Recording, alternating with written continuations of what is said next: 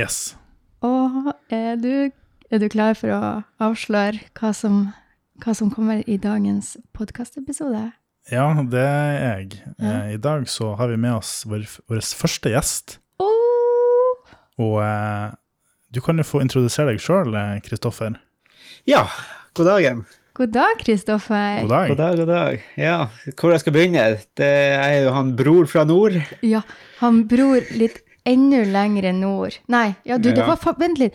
Kristoffer, nå bare avbryter jeg med en gang. Jeg tenker vi kjører sånn kjent stil. Det var faktisk han Kristoffer som lagde eh, nicknamet Homor litt sør i nord. Å ja, seriøst? Å Mhm. ja. Mm, for det var han som skrev til meg Ja, det begynner vel Jeg skrev homor eh, i nord, og han bare Du Altså, politisk korrekt, så er det vel litt sør i nord. Så det skal han Kristoffer Ja. kreds for. ja. Det er jo egentlig Det midt i landet, så det er jo litt eh, Ja. artig.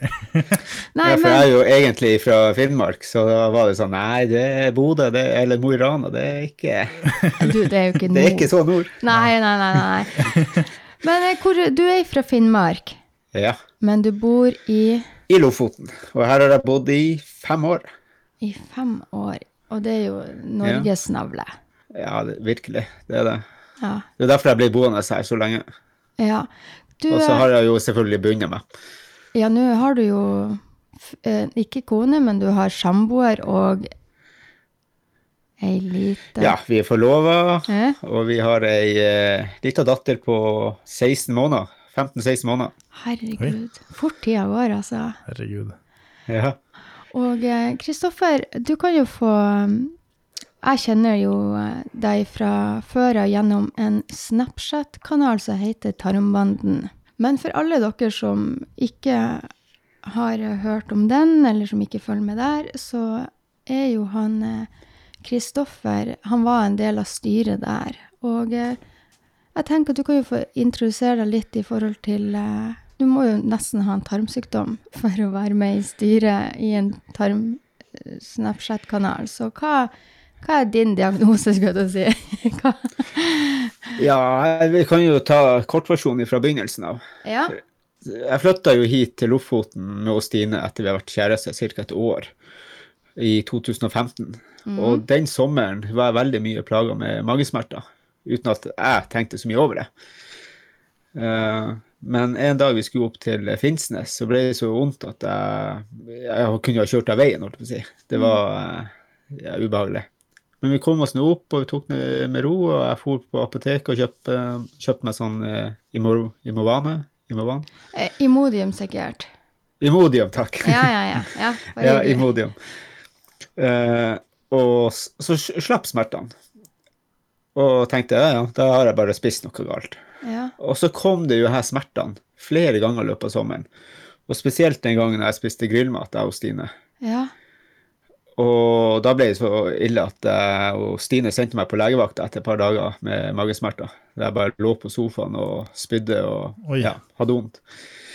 Ja, og så hadde jeg ikke vett til å dra til legevakta sjøl. Men Nei. hun sa det der Det der er ikke greit. Nei. Så vi dro ned. Og da kunne han si at jeg muligens hadde hatt gallestein, da. Men at det har gått over, for smertene begynte å roe seg etter vi hadde vært hos legevakta og fått litt smertestillende. Så. Og så måtte jeg til eh, fastlegen og ta noen blodprøver. Mm. Og etter en par dager så ringte han meg og sa jeg måtte på sykehuset i ja, ganske fort. Så sier jeg ja, men kan jeg fære når jeg er ferdig på jobb? sier jeg til henne. Nei, du må nå med en gang. Jeg bare OK. ok. Da- kjente jeg hjertedunken litt, at uh, det her er jo kanskje alvorlig. Ja. Ja, for jeg inn der, lykkelig viten på hva jeg skulle gjøre. Ja. Fordi da hadde jeg jo ikke vondt lenger, sant. Nei, nei, nei. Men så viste det seg at leververdiene mine var skyhøye, Ja. og jeg ble jo sittet på fullt utredning. Ja.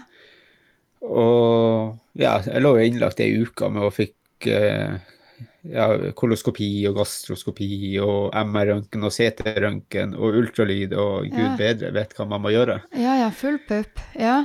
Ja, og så viste det seg at jeg hadde en eh, leversykdom som het primært primær skeleserende cholangitt, som er ganske alvorlig eh, og sjelden, faktisk. Ja. Oi. Hva, hva, er det den, eh, hva er den går ut på? Hovedsakelig så angriper det jo eh, gallegangene. Jo, som at dere skulle få se det med en gang. Ja, det, angriper gallegangene. Ja. eh, så det blir litt sånn innskrevet galleganger. Og, okay. og det er det jeg blir dårlig i den siste tida også. Så jeg er i en dårlig periode med levra akkurat nå. Okay. Ja. Eh, Så jeg skal jo på Riksen til, eh, til Luka som kommer, og få stente det, da. Jeg tenker jo at uh, når du skal til Riksen midt i en pandemi, da er det ganske alvorlig. Ja. Eh, Ja. Da det hasta det. Ja, for det samme gjorde jeg i 2016, like etter jeg fikk denne diagnosen. Ja. Og, eh, og det hjalp. Jeg har vært god siden da, i fire-fem år. Ja. Men så har jeg hatt en tarm da, som, eh, som er combined da med denne leversykdommen, Ja. som var ulcerøs kolitt. Ja. Og den var jo rett og slett drit i fire år. Ja, jeg skal bare skyte fort inn at uh, ulcerøs kolitt er en uh, autoimmun eh, tarmsykdom der immunforsvaret går til angrep på tykktarmen og lager kronisk betennelse. Eh, og det er det uh, han Kristoffer har, og du fikk du den her påvist samtidig som leversykdommen din? Nei, jeg fikk påvist leversykdommen først, Ja. og så var det sterkt mistanke om eh, ja, tarm... Skal hete? Sykdom. Ja. Eh, men jeg hadde ikke påvist noe før jeg for til Riksen i 2016. Oh, ja, ok. Og da Ja, det var ca. et halvt år etterpå. Og da ble jeg satt på eh, Asocol, mener jeg det var. Ja. Og jeg kødder ikke. Etter jeg begynte med den medisinen, ble jeg dårlig. Og når, du, og når du sier dårlig, hva er det det ligger i Hva, hva ligger det i det ordet, skulle du si? Det ligger jo å gå og drite mellom 20 ganger i døgnet. Ja, OK. Ut, uten kontroll. Ja, altså rennerev, liksom. Ja. Ja. Ja, gikk, gikk ned i vekt, og nå er jeg jo ganske en spinkel kar fra før av, så det var jo ikke godt å dette så mye ned i vekt som man gjorde da, for man gikk jo ned til 61 kilo. Å, Oi. Og jeg, herregud. Ja, ja, og jeg ligger jo vanligvis eh, på en 73-4. Å, herregud. Ja, ja, ja. Shit, liksom. Altså, Ja. 60 kilo, jeg er 60 høy. Det er liksom Da da er det sånn B, BMI riktig, liksom. ja. Det, Ja, ja, herregud, ja. du er halve mann. Ja, ja, ja. Jeg var, jeg var, det så ikke ut. Jeg ser jo på de gamle bildene fra før jeg begynte med prednisolon, at det var jo altså beinrangel, og så begynte jeg på predisolon, så ble det måneansikt. Så det har ikke vært noe mellomting der. så uh... Du, Kristoffer, fikk du det der i begynnelsen først måneansikt med beinrangelkropp? At du var så helt sjukt ut, liksom? nei, egentlig ikke. For når jeg begynte på predisolon, så fikk jeg jo matlysta opp igjen. Ja, ja, Når ja. det er kortison, ikke sant. Og jeg begynte å legge på meg generelt, og, Ja, og jeg gikk jo på næringsdrikke. Og, ja det men, eh, fordelte seg jevnt over, liksom. Ja, Ja. og da begynte det å se litt bra ut, og så begynte jeg jo etter hvert på litt sterke medisiner. Ja. For at acekolen hjalp jo ikke. Nei. Og i 2018, vinteren 2018, da begynte jeg på eh, sånn eh, biologisk medisin. Ja. Og jeg kan si rett ut, jeg har sett ut alt jeg har fått i kroppen. det har ikke hjulpet i det hele tatt. Uff da. Og, og det, det, Nei. det Jeg tenker liksom at det er eh, så mange som har kjempegod effekt av disse biologiske eller immunsuppressive medikamentene, men hos enkelte så fungerer det Altså, det fungerer bare ikke. Det er sånn som han sier, ja, men du bare driter det ut. Det føles i hvert fall sånn ut, for du sitter Du har jo fått sikkert både infusjon på sykehus Jeg vet ikke, fikk du den der Hva du fikk? For Husker du hva de heter? Ja, først fikk jeg jo Remsima, Mm. og den gikk jeg på i et halvt år uten noen form for effekt. Mm. Ingenting. Og den legen mente da, er at jeg har vært så syk så lenge at eh, det, det var nærmest umulig å redde det. Mm. Og så prøvde han på en Entyvio, men det kan jo ta opp til et år før det virker. Ja, den er, den er, den er, den er langtekkelig. Den er seig, altså. Ja, men den skulle visst være veldig god hvis den virker. Hvis den funker, og man har tid til å la den funke, det kommer veldig an på hvor dårlig du er. Mm. Og hvis du er veldig, veldig dårlig, så er det ikke alltid man har tid til det, og da er det operasjon som står for tur, altså. Ja. Nei, jeg gikk et år på den Ja. tyve år, Over et år, faktisk. Ja. Og med null effekt. Mm.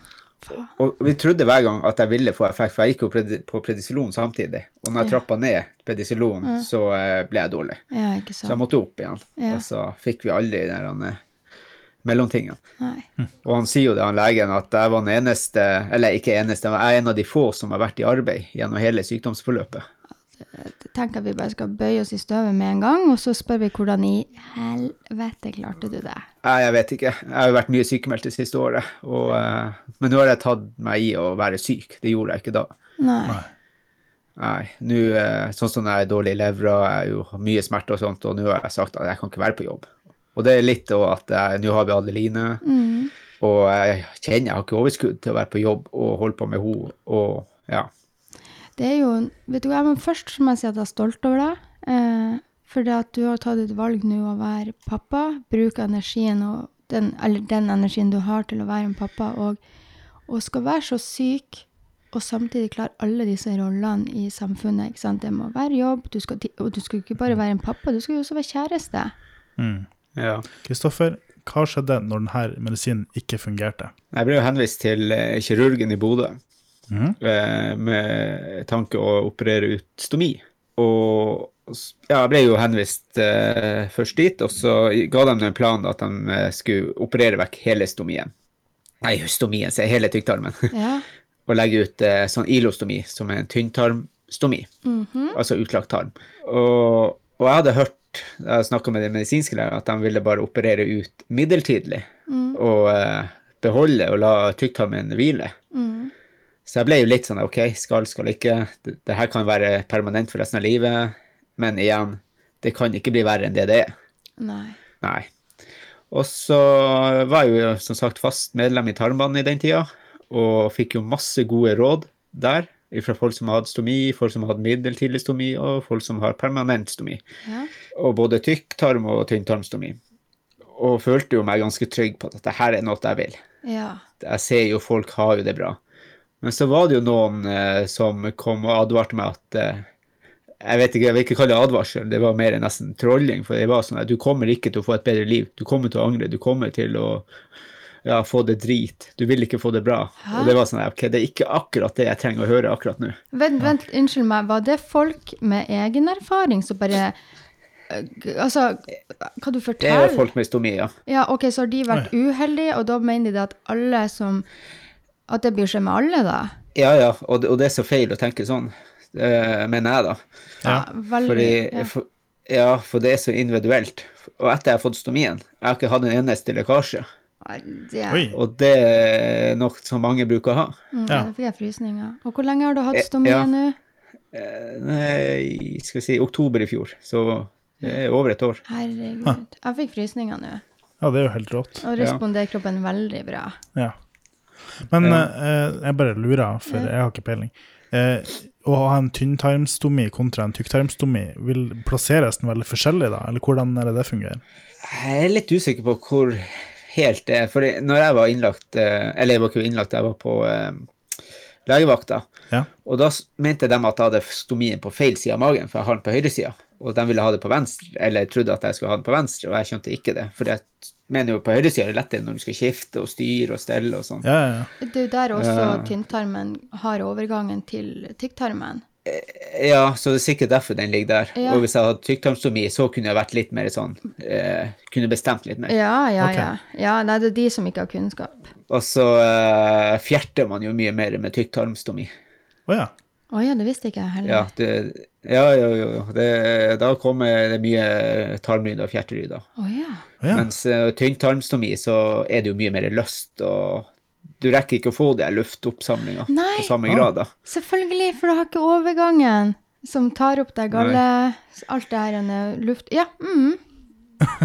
Veldig Du, interessant. du bare skjønner alt. Nei, men det er veldig logisk når han- Altså, for, eh, hvis du har anatomien i bakgrunnen, så er det veldig logisk, for du har den overgangen der som skal gjøre, gjøre avføringa Idet avføringa går fra tynntarm til tykktarm, eh, så er det mekanisme som gjør avføringa hard. Okay. Hvis ikke avføringa får kommet inn i tykktarmen, Ja. så får den ikke bli hard. Okay. Så derfor er det bare sånn Vi bruker å si at å tømme en tynn, tynntarmstomi, det er Det er jo bare flytende diaré. Er det ikke det? Ja, ja, det er stort sett det. Ja. Det, det hender jo at jeg får masse, men det kan hende hva jeg har spist. Og, Ja. men det er stort sett flytende. ja. Men du, Kristoffer.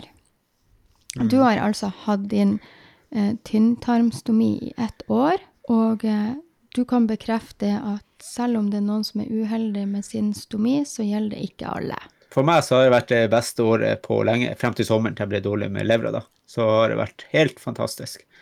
Ja, så du har ikke noe problemer med tarmen lenger? Nei, når jeg var på stranda og var ensa ikke det der fellesdasset der lenger, som jeg gjorde før. Å, herregud, da får jeg frysninger. Altså, det er noe jeg misunner. Slipp å lete etter dass. Ja, ja, ja, ja. Men jeg kjente jo at jeg var ikke helt trygg ennå i, i år med å gå i bare overkropp. Så, eh, men det kommer etter hvert når man bare har det. Er litt mer vant til tror jeg. For akseptert det, det har jeg. Ja, du tenk, men det er jo litt interessant. Jeg må bare høre litt mer om det. Du, Mm. jeg tenker jo sånn, eh, er det for egen Altså, tenk at du er redd for hva andre skal synes om deg, eller for at du ikke tenker at du er klar for din egen del? Altså, jeg driter i hva andre syns om meg, egentlig. Det, liker du meg ikke, så får du bare snu deg og gå en annen vei. Altså, amen, preach. Men jeg er mer sånn at jeg, må, jeg må akseptere det 100 sjøl. Ja. Eh, noe som jeg for så vidt har gjort, men jeg merka jo i sommer at eh, det var noen barrierer jeg må gå over enda. Men det er så fint at du er i kontakt med de eh, følelsene, for da vet du at vet du hva, jeg har akseptert at stomien den har redda livet mitt, eh, men jeg trenger litt mer tid til å bli. Det er noe forskjell på å akseptere den og føle seg 100% komfortabel med den. Ja, men det, det er sånn jeg føler det. Jeg har akseptert den, men kanskje ikke 100% komfortabelt per dags dato. Nei, nei. Men det, det kommer seg. Ja. Men da tenker jeg i forhold til Så du har vært holdt deg stabil etter du fikk st- stomi, men nå har du da begynt å bli dårlig med levra igjen. Mm. Kan du fortelle litt om hvordan, når det begynte, og hvordan symptomer og sånne ting? Ja, ja. Det Første gangen jeg ble dårlig med levra, det var jo som sagt i 15 da. Og det er litt av den samme situasjonen jeg er i nå. Mm. Da var jeg hos Stine i London, faktisk, i 2015. Og jeg var kjempedårlig. Mm. Og det var på nipp at jeg ringte på sykehuset der. For jeg var gul i huden, jeg var gul i øynene, hadde hvit avføring og veldig stram urinlukt. Så det her var jo ikke bra. Eh, og da er det at eh, jeg har så tralle galleganger at gallen ikke klarer å strømme gjennom. Ja, så, Og så får jeg jo sånn hudkløe. ja, ja, ja. Uh, ja, det var helt jævlig. Men i den situasjonen så gikk det nå over. Jeg slapp å dra på sykehuset i London, og jeg kom meg til Riksen over nyåret. Ja. Ja, og det samme har jo skjedd nå i sommer.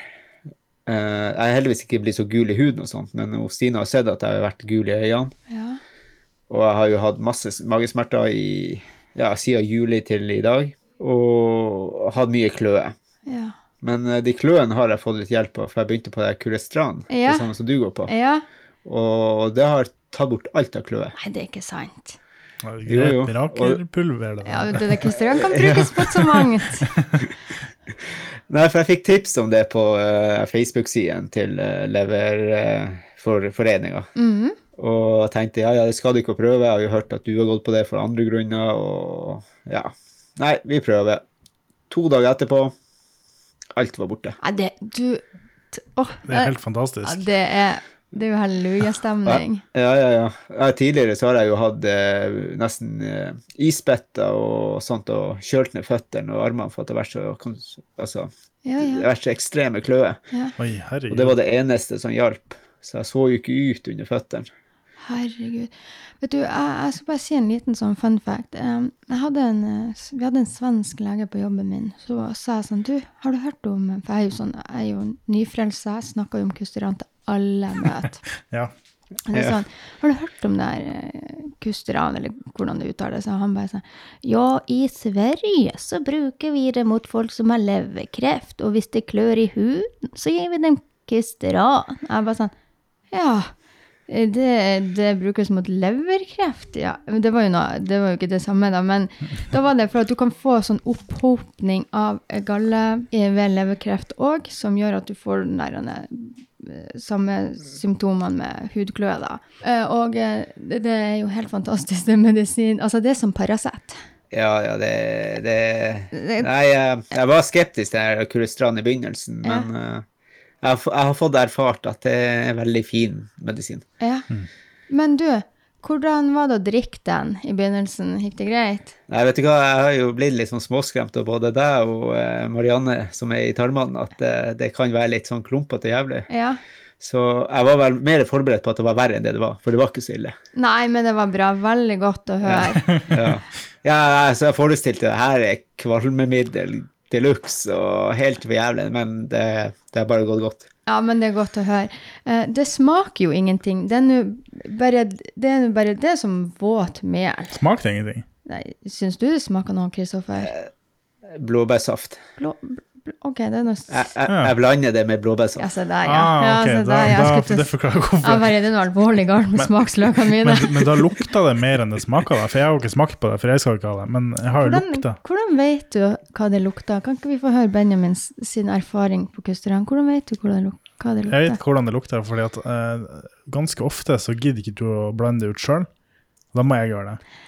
Ja. Og da kommer det pulver opp i lufta, og så kommer det inn i nesa mi. Og da lukta det ja, hva det lukta? litt sånn syrlig, litt sånn nesten sånn sitrusaktig, syns jeg. Ja, og så, hva så skjer hvis jeg ikke er flink til å drikke eh, masse vann? Da eh, lukta det veldig konsentrert kustran Ja, etter du har vært på badet. ja. Ja. Altså, har du opplevd det, Kristoffer, at det lukter kusteran av tiss av urine, urinen din? Nei, det har jeg egentlig ikke tenkt over. Nei, nei men eh, da kan vi gå videre nei. til neste spørsmål. Jeg skulle bare si, jeg kan jo nevne det med leversykdom, at det kan bli kreft og sånt av det òg. Ja, det kan det.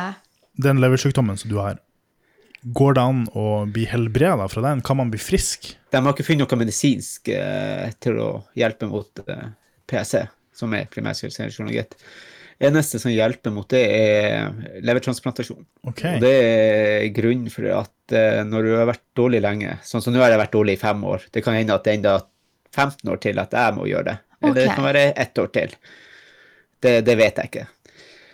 Men eh, jeg vil enten få skrumpeleveren, leversvikt eller kreft i levra. Oi.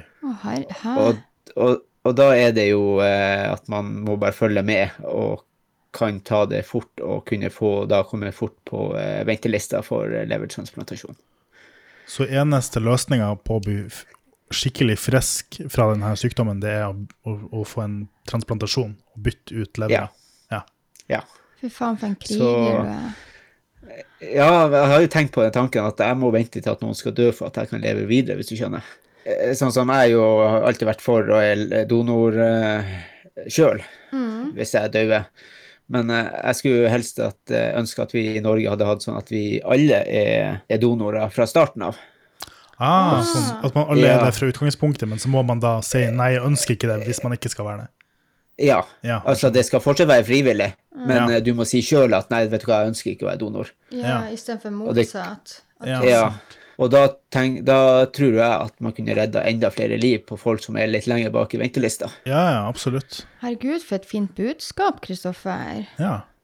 Ja, altså det er jo, det, det er jo basic det samme, det er bare motsatt eh, oppsatt.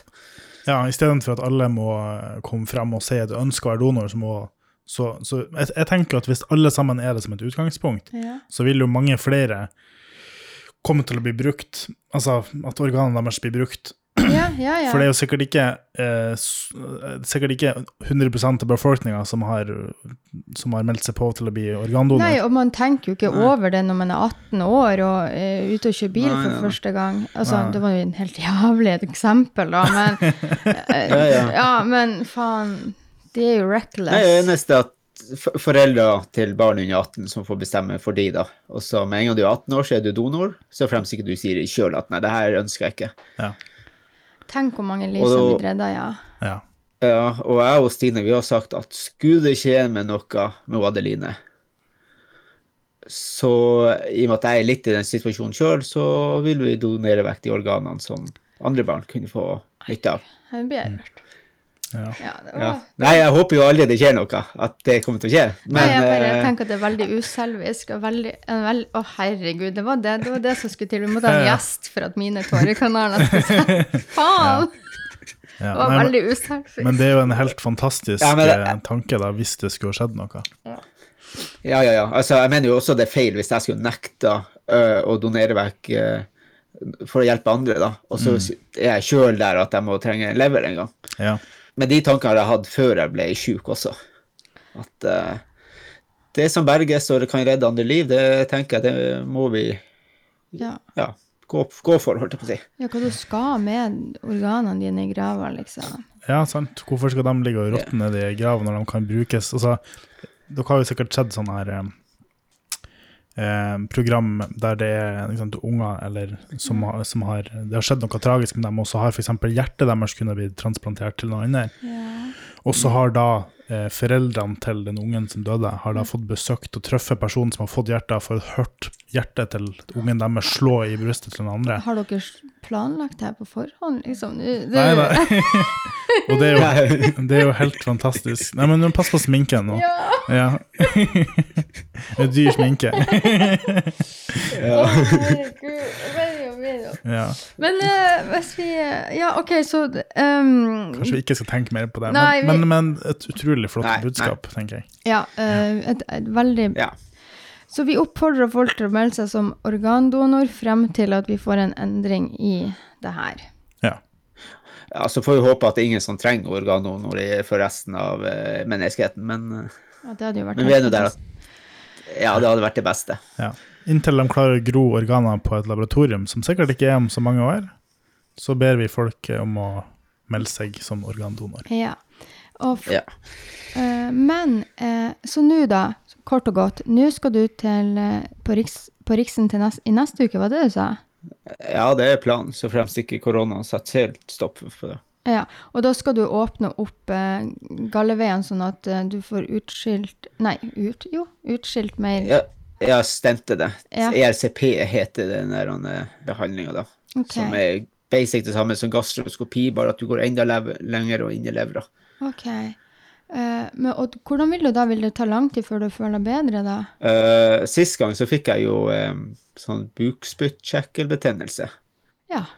Så jeg lå jo på sykehus en par dager ekstra for at jeg hadde så vondt pga. det, da. Men uh, når jeg kom meg ut derifra, så var jeg like god som jeg var før jeg ble syk. Herregud. Så jeg okay. håper jo på en eh, tilsvarende effekt denne gangen.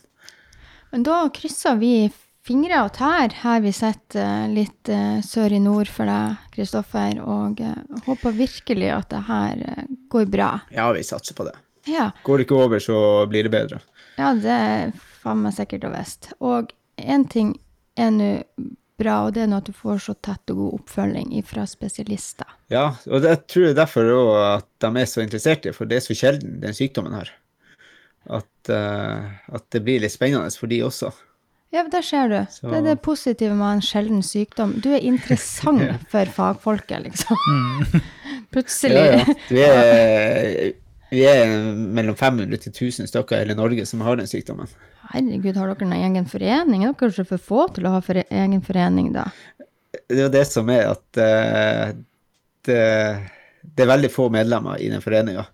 Og for å få statsstøtte, eller hvordan det var, så må man ha flere medlemmer. Så man har jo prøvd å rekruttere familiemedlemmer og Pårørende. Ja, ja, ja.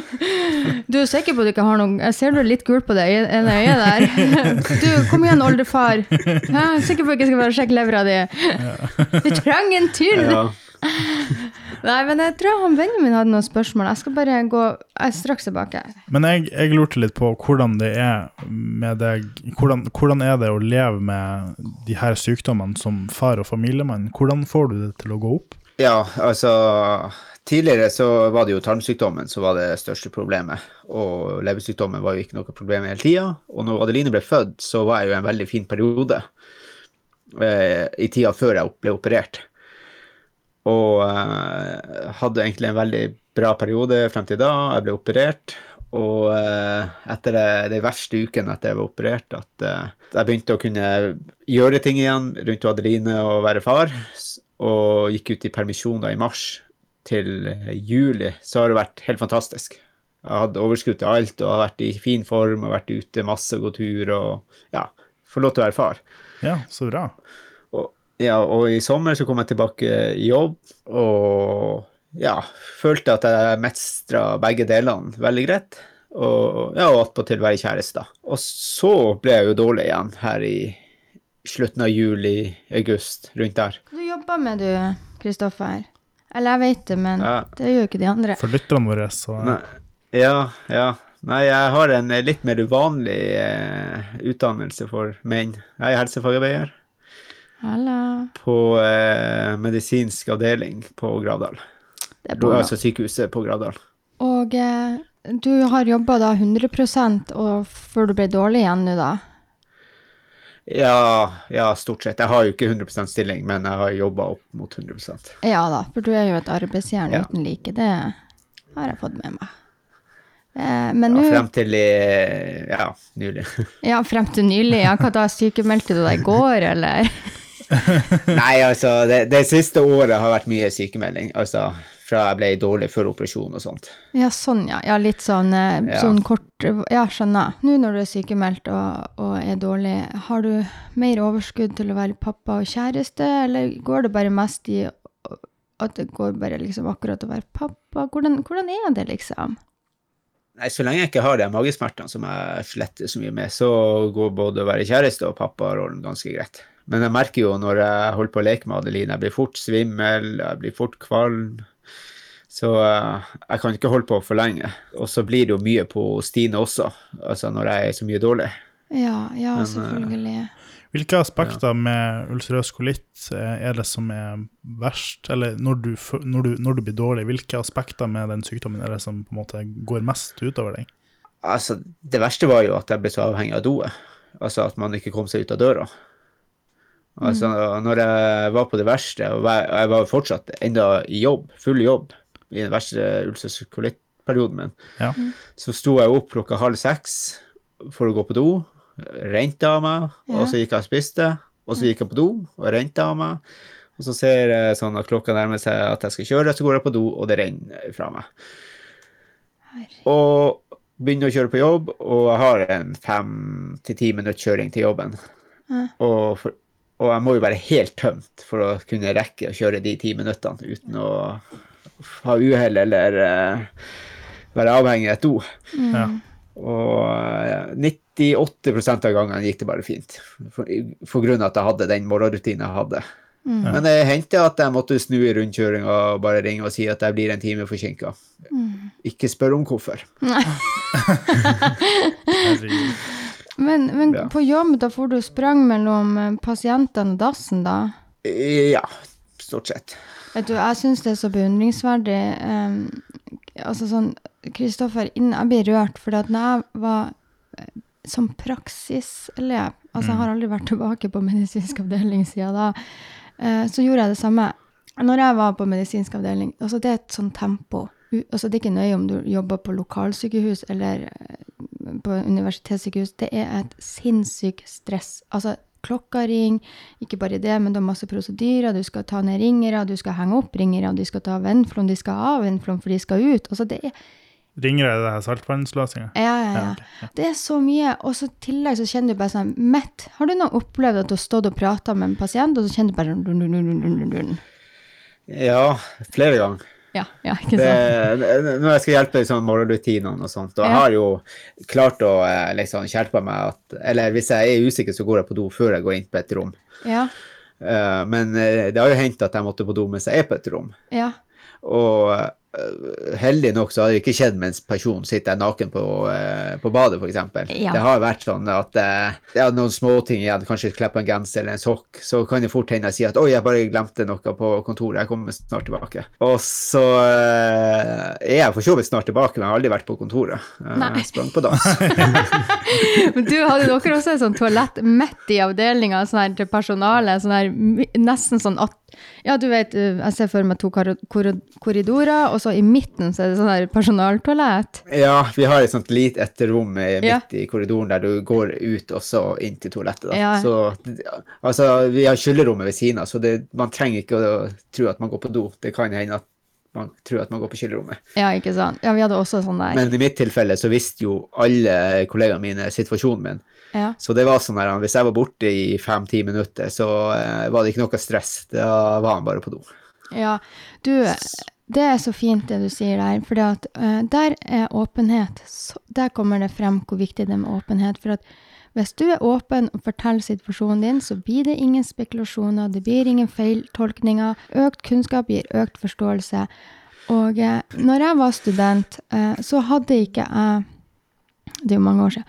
Hadde ikke den åpenheten. Eh, sånn at eh, det som faktisk skjedde, det var ikke på medisinsk avdeling, det var på kirurgisk avdeling, det var at etter eh, to uker så kom primærsykepleieren min, og hun visste jo at jeg hadde Crohns, men hun kom og sa at andre kollegaer hadde kommet og sagt at jeg hadde plutselig forsvunnet og blitt borte, og hva det var som var galt med den studenten hennes. Og hun oppfordra meg til å si at jeg hadde Crohns, og at jeg gikk mye på do, fordi at bare etter to uker det blitt en, en snakk om hva er det den studenten holder på med, liksom. Og plutselig er hun der, så plutselig er hun borte, og så plutselig er hun der igjen, og hvor er det hun er hen her? Ja. Og det viser bare viktigheten av åpenhet. Etter det så sa jeg ifra om at vet du hva, jeg har Crohns, eh, jeg bruker jo si en dritforstyrrelse, så jeg springer på do og driter, og blir plutselig borte.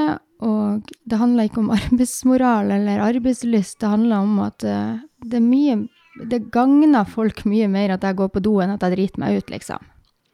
For da blir jeg enda lenger borte. Så det syns jeg er veldig fint at Ja, vi, jeg sa det òg til kollegaene mine, hvis jeg er veldig lenge borte, så er jeg nede i garderoben og skifter. Ja, ikke sant. Ja, se der, ja. Og det, det jeg, skal for, jeg, skal, jeg skal fortelle en liten sånn fun fact. Um, jeg, hadde, jeg, hadde, hadde, jeg var kommet til en sånn turnus, jeg vet ikke hva det heter i dag, men da het det sånn turnuskandidat eller noe eller annet lege. Han var altså så fin. Uh, og og um, jeg var Vet du hvorfor jeg ikke torde å være åpen i begynnelsen? For jeg syntes han der legen var så fin. Og jeg tenkte jeg kan ikke sitte her og fortelle at jeg driter med den fine legen. Og da skal det sies at vi var på kirurgisk avdeling på lokalsykehus. Det betyr at vi opererte stomier, vi opererte alt. Altså, han amputasjoner du, du, Han har jo Herregud, han kunne jo ikke brydd seg mindre om jeg dreit eller ikke, liksom.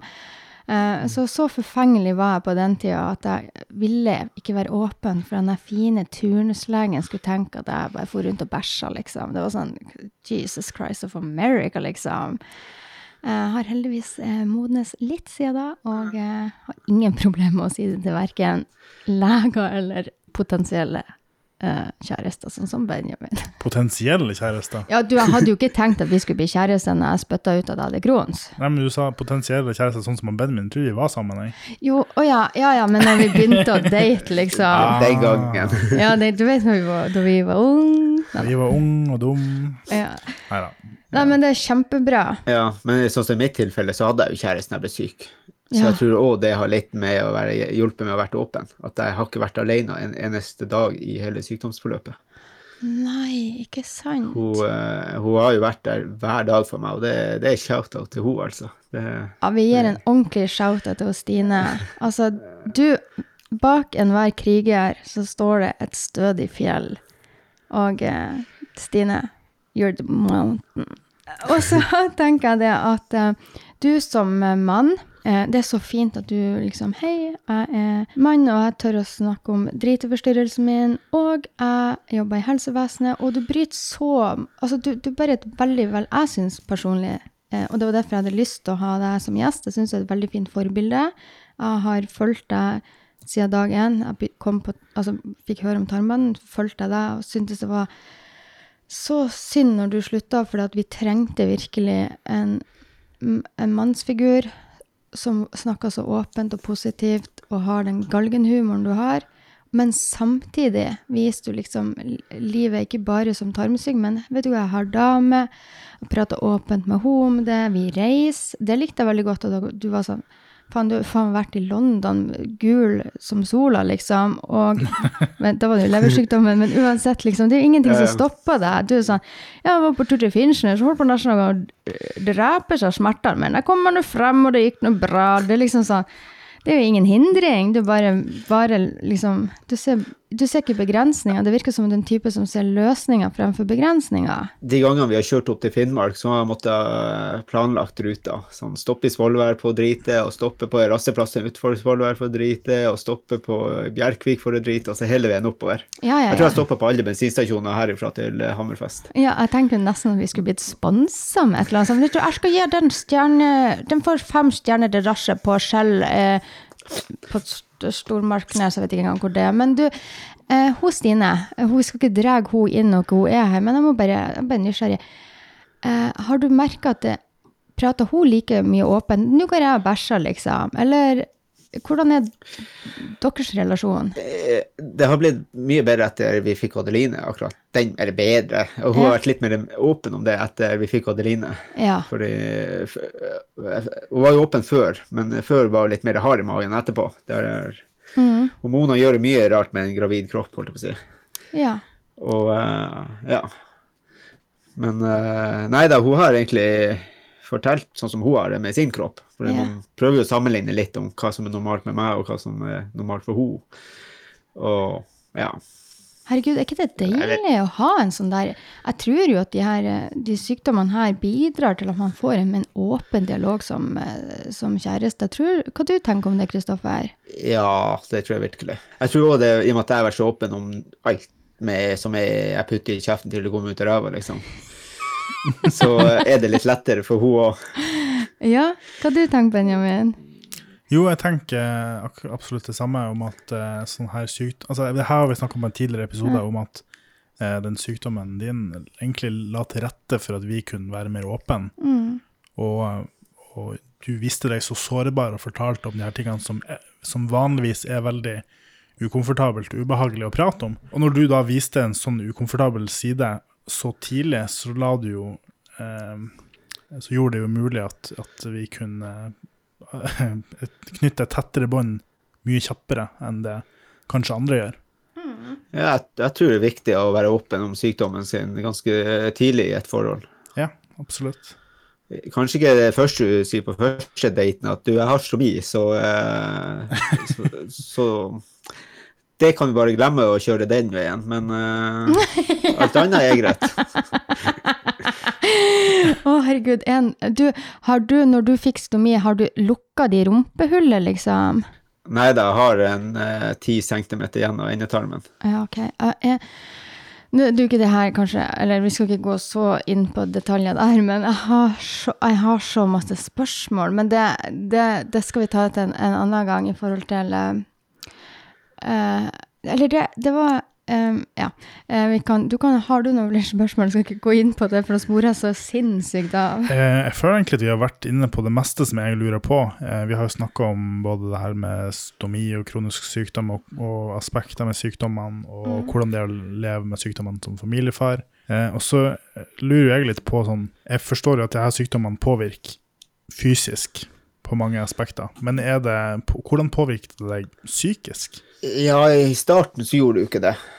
Eh, men når jeg begynte å kjenne at jeg mista kontrollen på, uh, på når jeg måtte på do, da begynte jeg å kjenne på den psykiske delen òg. At eh, tidligere har jeg nå rukket å funne meg i busslomma og sprunget ned i fjæra. Men eh, i en periode i slutten der så rakk jeg ikke det. Og da kjente jeg at det her, det her blir tungt å leve med. Mm. Og det var jo igjen før jeg begynte å snakke om å. Jeg har jo hatt den tanken i mange år, men eh, jeg har ikke prata med en kirurg om det. Nei. Så det kjente jeg jo at eh, Ja, altså, jeg har aldri syntes synd på meg sjøl på den grad, men at jeg følte at det her, det, det her er tungt. Mm. Var det mer at det gikk på selvfølelsen, da? At man føler seg altså, liten? Ja, det- og- ja. Ja, selvkontrollen. Altså, har du ikke kontroll, så går du jo selvfølgelig på selvtilliten. Og Mm. er du ikke god å spille fotball, så har ikke du, har ikke selvtillit til å spille heller. ikke sant? Og, ah, veldig, veldig god metafor. Ja. og, og, og det her i tilfellet så hadde jeg jo ikke kontroll på magen, og da hadde jeg jo ikke selvtillit til å tørre å gjøre ting. Nei, sant. Og da gikk det jo utover hodet, sant. Du blir jo litt mer eh, isolert. Men, men så eh, fikk jeg jo den beste medisinen når Adeline ble født. ja. Ja, det har hjulpet mye på eh, både humør og ja. Og når jeg kjenner på kvelden og har holdt, ja, holdt på å si faenskap hele dagen, det, det skal jeg ikke si, men at hun har holdt, holdt med aktivitet hele dagen, Ja. så er det jo veldig godt når hun legger seg.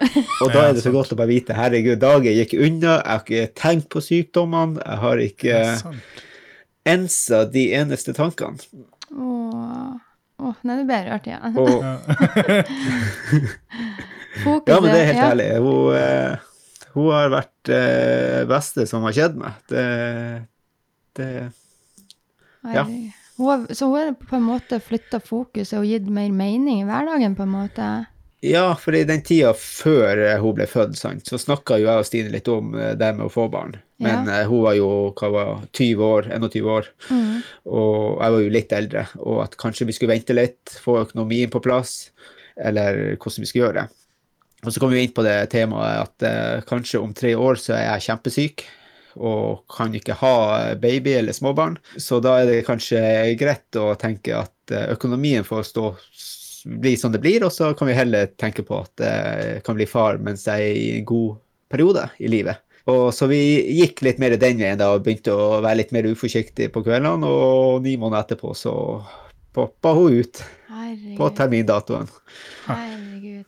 Tenk dere, hva, hva er veien videre? Jeg forstår jo at du skal til Riksen, og du må ta det litt som det kommer, men etter det, hva, hva er planene dine, Kristoffer? Eh, planen er jo å bli ferdig med kreftomsorg og lignende pleie, som jeg går nå. Eh, nettstudiet. Ja. Og det er ferdig i mai, så fremst ikke jeg blir veldig dårlig om å hoppe av det her siste halvåret. Ja. Og så er det jo å komme tilbake i jobb og leve det vanlige A4-livet som jeg egentlig har lyst til å leve. Ja.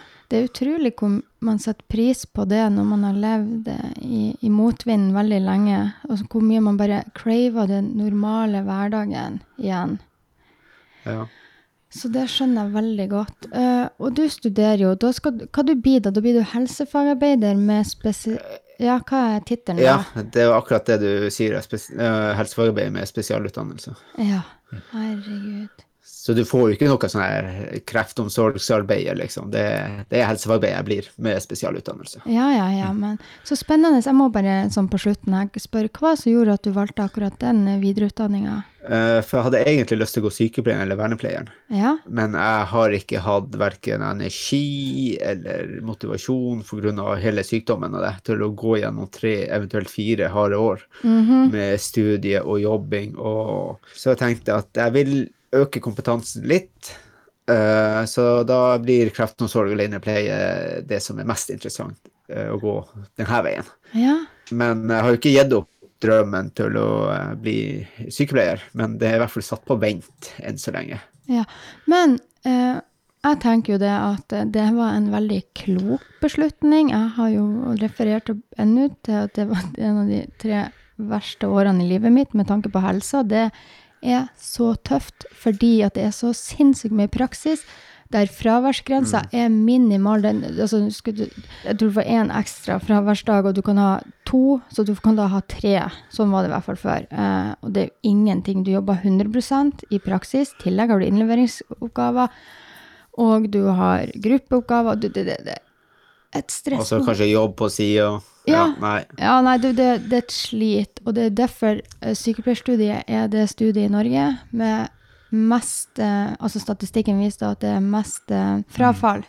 Uh, og det forstår jeg veldig godt, og da, da er det friske folk, liksom. Så hvis du i tillegg har syk og Nei, det, det, det skal man gjøre når man er i god form og har ting på stell. Jeg angrer på at jeg ikke hoppa hele veien da jeg var yngre. Nå er jeg bare 29 år, da, så jeg er ikke en gammel mann. Men uh, hadde jeg gjort det som 21-åring, så tror jeg jeg hadde klart det mye bedre enn etter jeg ble sjuk da jeg var 25 år. Men, men eh, fordelen er jo at den, hvis du velger å gjøre det, uh, så du blir å flyte gjennom det. Altså så lenge du er frisk, du har den erfaringa du har, du vil forstå faget, du har så mye knagger å henge ting på, Kristoffer, at jeg blir nesten litt sjalu, liksom. Ja, det der det blir å nail. Men, men gjør det til rett tid og de rette grunnene i så fall.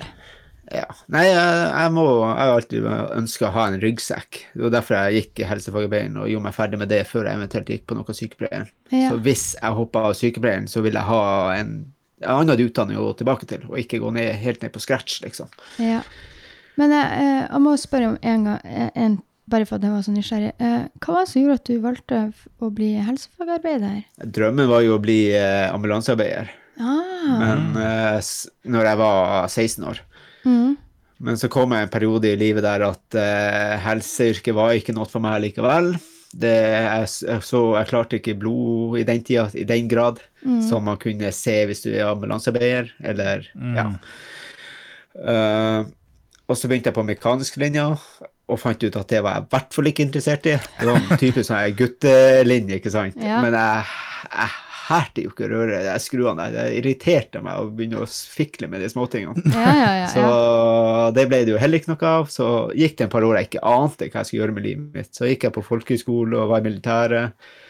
Så begynte jeg tilfeldigvis å jobbe i uh, omsorgsbolig da, for uh, psykisk utviklingshemma, ja. og stortrivdes med det. Og tenkte OK, det her går jeg. Så meldte jeg meg opp på nettstudiet da, og for helsefagarbeider, ja. og gikk noen praksisår.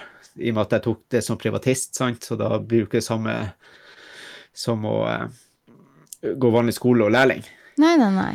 Nei, så, uh, så klarte jeg å gjøre meg ferdig med det da i 2017, var det vel. Herregud, nok en gang kriger. Altså, Mm. du er rå, Kristoffer, og jeg vil bare Jeg regner med jeg vet svaret ditt, men vil du anbefale helsevesenet som yrke for menn, med tanke på at det er veldig mange kvinner du jobber sammen med, men eh, hva du tenker om å være du, Jeg vet ikke, det kan jo hende at der du jobber, er dere mange menn, men er det er det? det? I fjor på denne tida Ja. så var vi tror jeg var fire mannlige sykepleiere, en lærl mannlig lærling og meg da som helsefagarbeider. Så da var vi jo seks stykker på avdelinga vår. Og jeg tror vi er ikke like mange, men det er en fem sykepleiere, tror jeg, mannlige sykepleiere, som går litt ekstra og sånt hos Ja. oss. Og jeg merker jo det at det er jo så deilig å få litt mannfolk inn. altså, altså, jeg trives å være han i hønseflokken, det er ikke det. Men, eh, men eh, det er noe å ha flere mannlige inn i helseyrket. Det, ja, jeg, jeg skjønner ikke hvorfor ikke flere vil gå den veien. Hvis man vil jobbe innenfor helse, så er jo det kjempeflott. Altså å være helsefagarbeider. Ja. Mannlig helsefagarbeider. Ja. Jeg tenker vi skal oppfordre, hvis vi har noen mannlige lyttere som ikke helt vet, eh, vet hva de vil gjøre med livet, prøv å ta noen ekstravakter på enten omsorgsboliger, sykehjem. Kjenn litt på det. Det er i hvert fall et veldig, veldig givende yrke. Ja visst. Ja visst. Mm. Nei, det skulle vært flere med, det virkelig. Men uh, man må jo bare finne ut av det sjøl. Ja. Men jeg tenker at uh, for denne gangen så tror jeg vi skal ta og runde av. Det har vært en ære å ha deg her i oss som vår Ja. første gjest. Det har vært ære å få lov til å være deres første gjest. Det- Ja. Første og best, beste så langt. Ja, Ja, men det er bra. Det er bra. ja men eh, neste Vi- har, har store sko å fylle, eller hva er det du sier? Ja, ja, ja. Ja, ja. Det, det går ikke an til å bli så bra som meg. Nei, nei, nei, nei, nei. Nei da. Nei, og da vil jeg bare få avslutte med å si tusen takk for alle som har hørt på Krutthøna og Vikingen. Og selvfølgelig meg, Kristoffer, vår bror fra nord. Ja, og Ja. eh, også kalt eh, Nord-Norges store O-sønn. Takk for meg, og takk for at jeg fikk gjeste hos dere. Ja, takk sjøl, og jeg gleder meg til neste gang.